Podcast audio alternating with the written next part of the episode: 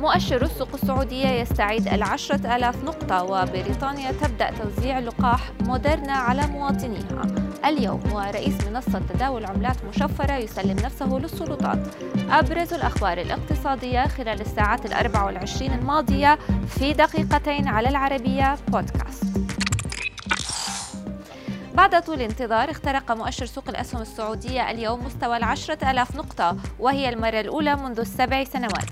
كانت المرة الأولى التي أغلق فيها المؤشر فوق مستوى العشرة ألاف نقطة تعود إلى 17 من مارس 2005 كما أعلنت السوق المالية السعودية تداول عن تحولها لتصبح شركة قابضة باسم مجموعة تداول السعودية بهيكل جديد يضمن استمرارية تطورها. وكخطوة أخرى نحو جاهزية المجموعة للطرح العام الأولي خلال العام الحالي 2021 حيث ستضم مجموعة تداول السعودية أربعة شركات تابعة.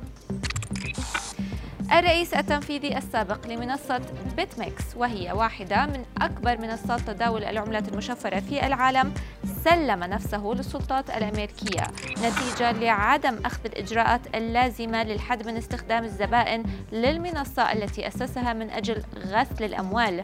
وكانت السلطات في ولاية نيويورك قد وجهت اتهامات للرئيس التنفيذي ومؤسس المنصة منذ ستة أشهر لعدم التقيد بالقوانين الأمريكية لأخذ إجراءات مكافحة غسل الأموال ولكن تم الإفراج عنه مقابل كفالة بقيمة عشرة ملايين دولار.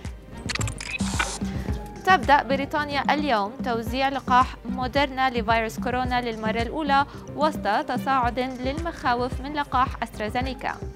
ونقص إمدادات اللقاحات المطلوبة لشهر إبريل. ويعد موديرنا اللقاح الثالث الذي يتم إقراره في بريطانيا بعد أسترازينيكا. وفايزر أيضا.